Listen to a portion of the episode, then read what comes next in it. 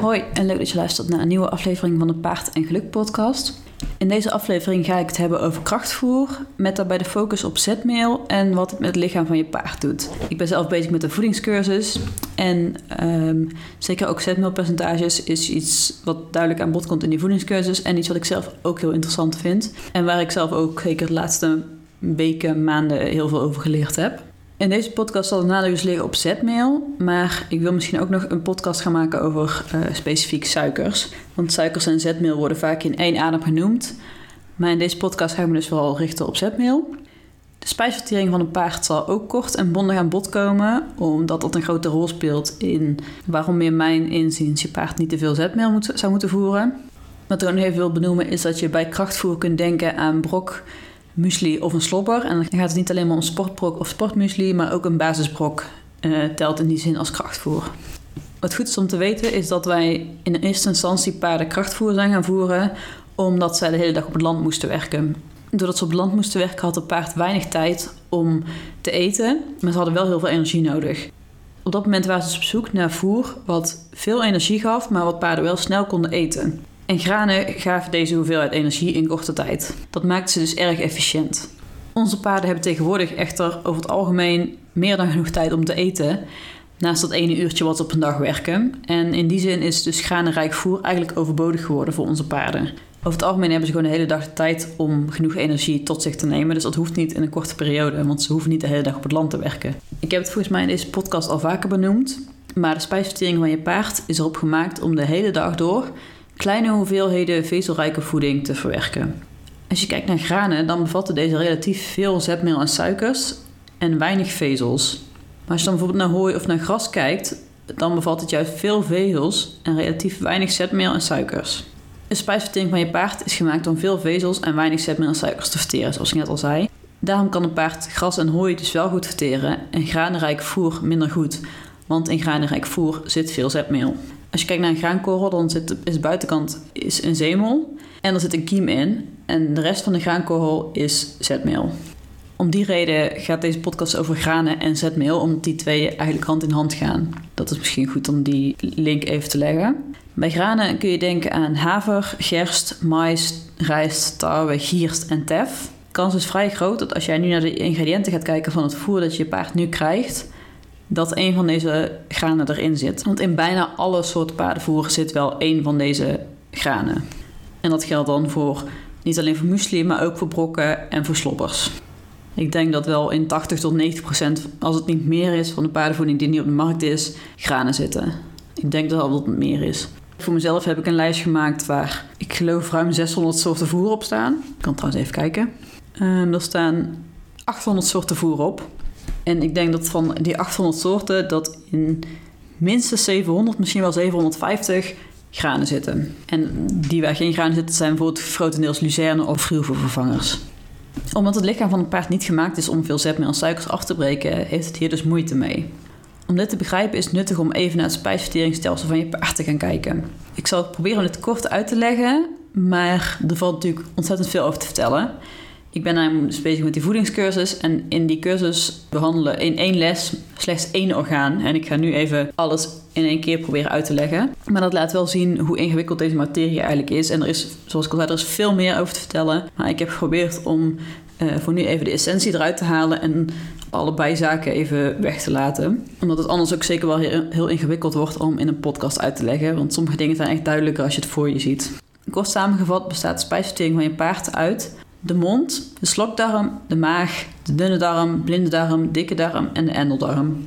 Met de lippen bepaalt de paard of het iets wel of niet wil eten, om het vervolgens in de mond met de kiezen te vermalen. Hierdoor wordt het voedsel kleiner gemaakt en wordt er speeksel toegevoegd. Op ruwvoer koudt een paard veel langer dan op krachtvoer. Voor ruwvoer is het namelijk 30 tot 40 minuten en voor krachtvoer ongeveer 15 minuten. Je kunt je daarom voorstellen dat bij het vermalen van ruwvoer meer speeksel geproduceerd wordt dan bij het vermalen van krachtvoer. Doordat het voer gemengd wordt met speeksel, glijdt het gemakkelijker door de slokdarm. Ik weet niet of je al eens een foto hebt gezien van een slokdarm, maar die heb ik dus wel gezien tijdens mijn voedingscursus. En je staat er echt van versteld hoe dun een slokdarm is. Want heeft een diameter van ongeveer 2 centimeter. En door die 2 centimeter moet dus al het voer wat jij je paard geeft. Via de slokdarm komt de voeding in de maag. Op dit proces kom, kom ik zo even terug. Het speeksel van een paard bevat geen amylase.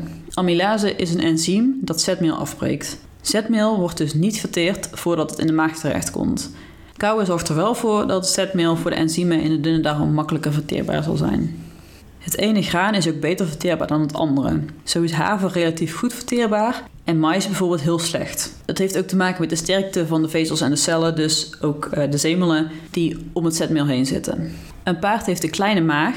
Dat is dan ook de reden dat je een paard de hele dag door kleine hoeveelheden voer wil geven, in plaats van een paar keer per dag een grote hoeveelheid. De maag is erop gemaakt dat er continu kleine hoeveelheden voedsel doorheen komen. In de maag mengt voedsel met maagsappen, maagzuur en enzymen. Maagzuur zul je wel kennen in relatie tot maagzweren. De maag bestaat grof gezegd uit een bovenste gedeelte wat niet bestand is tegen maagzuur en een onderste gedeelte dat dat wel is. In het echt is het iets gecompliceerder, maar hier komt het een beetje op neer. Een speeksel zorgt ervoor dat het maagzuur geneutraliseerd wordt, waardoor het slijmvlies in het bovenste gedeelte van de maag beschermd wordt. Het maagzuur doodt bacteriën in het voedsel en activeert het enzym pepsine dat de eiwitten in de voeding verkleint. Vermenging met de maagsappen zorgt ervoor dat het voedsel beter verteerbaar wordt door de, voor de dunne darm. Het voordeel van ruwvoer ten opzichte van krachtvoer in dit geval is dat ruwvoer geleidelijk door de maag komt, waar krachtvoer in één keer in de maag komt.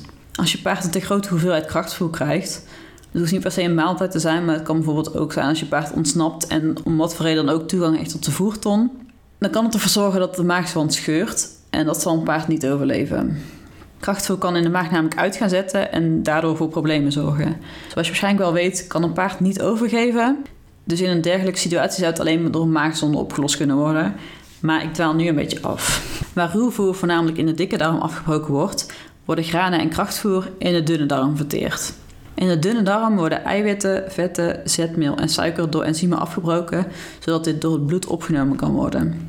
Om zetmeel te verteren is het enzym amylase nodig. Daar wordt in de alvleesklier maar een beperkte hoeveelheid van aangemaakt, waardoor in de dunne darm maar een beperkte hoeveelheid zetmeel verteerd kan worden. De rest stroomt door naar de dikke darm, waar het voor problemen kan zorgen. Na de dunne darm verblijft het voer enkele tijd in de blinde darm voordat het doorstroomt naar de dikke darm. Bij paarden heeft de blinde darm nog wel een functie in tegenstelling tot bij ons en is zelfs in verhouding veel groter dan bij mensen. In de dikke darm worden vezels afgebroken door bacteriën en andere micro-organismen. Dat proces heet fermentatie. Deze bacteriën teren op de onverteerde resten die vanuit de dunne darm komen. Naast vezels kunnen dat dus ook zetmeel, vet en eiwitten zijn. Bij deze fermentatie komen vluchtige vetzuren vrij. Die worden afgegeven aan het bloed, waar je paard energie uithaalt. Alle onverteerde voeding stroomt door naar de endeldarm, waar deze met bacteriën de mest van je paard vormen. Hoe meer onverteerd voedsel doorstroomt naar de dikke darm, hoe meer voedingsstoffen bacteriën hieruit kunnen halen om het paard uiteindelijk energie te leveren. Echter zijn niet alle voedingsstoffen hierin menselijk. Zetmeel wordt snel afgebroken, waarbij melkzuur vrijkomt. Dit melkzuur brengt de zuurgraad in de darmen namelijk omlaag. En een lage zuurgraad betekent een zure omgeving. Als je een pH van 2 hebt, dan is dat een zure omgeving, terwijl een pH van 8 bijvoorbeeld veel minder zuur is. Die zure omgeving kan goede bacteriën doden en voor onbalans in de darmen zorgen. Er moet balans zijn tussen de bacteriën, want een onbalans kan voor gasvorming en koliek zorgen. Een goed gevulde dikke darm raakt minder snel uit balans dan een weinig gevulde darm. Veel ruwvoer kan voor die gevulde dikke darm zorgen, terwijl weinig ruwvoer ervoor kan zorgen dat de dikke darm ver leeg is. Voor een goede darmmerking heeft je paard dus gedurende de hele dag kleine hoeveelheden ruwvoer nodig. In krachtvoer komt de energie voor je paard vaak grotendeels uit de in het voer aanwezige suikers en zetmeel. Zoals ik net uitgelegd heb, kan de dunne darm van je paard maar een beperkte hoeveelheid zetmeel verteren, waarna een te grote overgebleven hoeveelheid voor onbalans in de dikke darm kan zorgen. Het is belangrijk om hier rekening mee te houden bij het rantsoen van je paard en om altijd bezig te zijn om de darmflora van je paard zo optimaal mogelijk te krijgen. Veel gezondheidsproblemen worden veroorzaakt doordat het paard in verhouding te veel krachtvoer en te weinig ruwvoer krijgt. Ik zeg het keer op keer, maar ruwvoer moet altijd de basis zijn van het rantsoen van je paard. En krachtvoer is enkel een aanvulling wanneer dat nodig is. En zelfs dan kun je echt het beste zoeken naar een krachtvoer met goede ingrediënten. Mijn vorige bijrijpaard Zoe kreeg ik altijd gewoon de brok die ze op stal gaven. Op de laatste stal weet ik niet eens welke brok dat was. Met de kennis die ik nu heb, zal ik nooit meer voor een stal kiezen waar ik niet zelf kan bepalen wat voor voeding mijn paard krijgt. Niet ieder paard doet het namelijk goed op dezelfde brok. En het is heel belangrijk om voeding op het individuele paard af te stemmen. Dus je kunt niet één brok kiezen voor een hele stal. Want als er heel veel verschillende soorten paarden staan, dan is die brok gewoon bijna nooit geschikt voor al die paarden. Dan is de volgende vraag natuurlijk hoe je zetmeel en suikerrijk voer kunt herkennen. Bijna ieder krachtvoer wat je bijvoorbeeld bij de Boerenbond kan vinden, bevat veel zetmeel. Er zullen uitzonderingen zijn, maar over het algemeen gezien zul je voor zetmeelarm voer verder moeten zoeken. Normaliter zijn de suiker- en zetmeelpercentages van voeding terug te vinden op het etiket of op internet. Soms staat er ook alleen een percentage voor suiker en zetmeel samen bij. Zelf probeer ik het suikerpercentage onder 5% te houden en het zetmeelpercentage onder 20%. Ik heb me de laatste tijd veel in verschillende soorten voeren verdiept en heb zelfs voer voorbij zien komen dat wel 50%, dus de helft aan zetmeel bevatten. Ik daag je daarom uit om eens de etiketten van jouw voer onder de loep te nemen en te bekijken wat voor ingrediënten daarin zitten en wat deze met je paard doen. Tegenwoordig hebben heel veel paarden eigenlijk helemaal geen krachtvoer nodig. Ze werken tenslotte niet meer de hele dag op het land en de meeste paarden trainen ook geen uren per dag intensief. Als ze in de basis goed ruwvoer krijgen, kan dat eventueel in combinatie met een vitaminebrok voor veel paarden genoeg zijn. Door een ruwvoeranalyse uit te voeren kun je ook precies weten wat je paard wel en niet uit het ruwvoer kan halen en kun je dus gericht dingen aanvullen. Als je merkt dat je paard toch wat meer nodig heeft, kun je altijd ook naar krachtvoer kijken, maar het is zeker niet waar ik zou beginnen. Ik denk zelf echt dat ruwvoer en vitaminebrok de basis zouden moeten zijn van een rantsoen en er vanuit daar gekeken moet worden of je paard iets tekort komt. Dat kan dan aangevuld worden met eventueel krachtvoer, maar bijvoorbeeld ook met supplement of kruiden. Ik weet nog dat een aantal jaar geleden de tandarts van Zoe vertelde dat haar sportpaarden maar een handje brok kregen. Daar kon ik me toen helemaal niks bij voorstellen, want waar halen ze dan al die energie uit? Maar inmiddels kan ik me dat prima voorstellen. Wat ook goed is om te weten, is dat bijvoorbeeld dierenartsen niet per definitie verstand hebben van voeding. Ze leren je wel wat over, maar de meeste zijn geen voedingsdeskundigen. Uiteraard zijn ze er wel, maar dat je dierenarts je een bepaald voer aanraadt wil nog niet zeggen dat het per definitie de beste optie is voor je paard. Zorg dus dat je jezelf ook verdiept in voeding, zodat je hierin een weloverwogen keuze kan maken in plaats van je dierenarts blind te vertrouwen. Ook als het om voedingsdeskundigen gaat, is de een de ander niet. Ik zie op Bok bijvoorbeeld wel als voedingsdeskundige brokken aanraden waar mijn inziens heel veel troep in zit. Kies dus ook niet zomaar de eerste de beste deskundige, maar neem de tijd om een goede expert te zoeken. Als je voedingsadvies wil, iemand die aansluit bij hoe jij je paard wil houden en wil voeren. Maar daarnaast is het natuurlijk nooit verkeerd om jezelf hierin te scholen, zodat je anderen niet blind hoeft te vertrouwen en zodat je zelf ook kritisch kan zijn op het advies van deskundigen. Ik hoop dat jullie iets uit deze, denk ik, best wel lange podcast hebben kunnen halen. En dat hij niet te diepgaand en te ingewikkeld was. En ik hoop dat ik jullie heb aangezet of heb gemotiveerd om kritisch naar je voer te gaan kijken. Als je dat nog niet deed. Er zijn nog genoeg andere aspecten over voeding, maar ook over andere onderwerpen die ik graag wil belichten in deze podcast. Dus als je daar benieuwd naar bent, dan zou ik het leuk vinden als je de Paard en Geluk podcast zou volgen op je podcast app of op Instagram.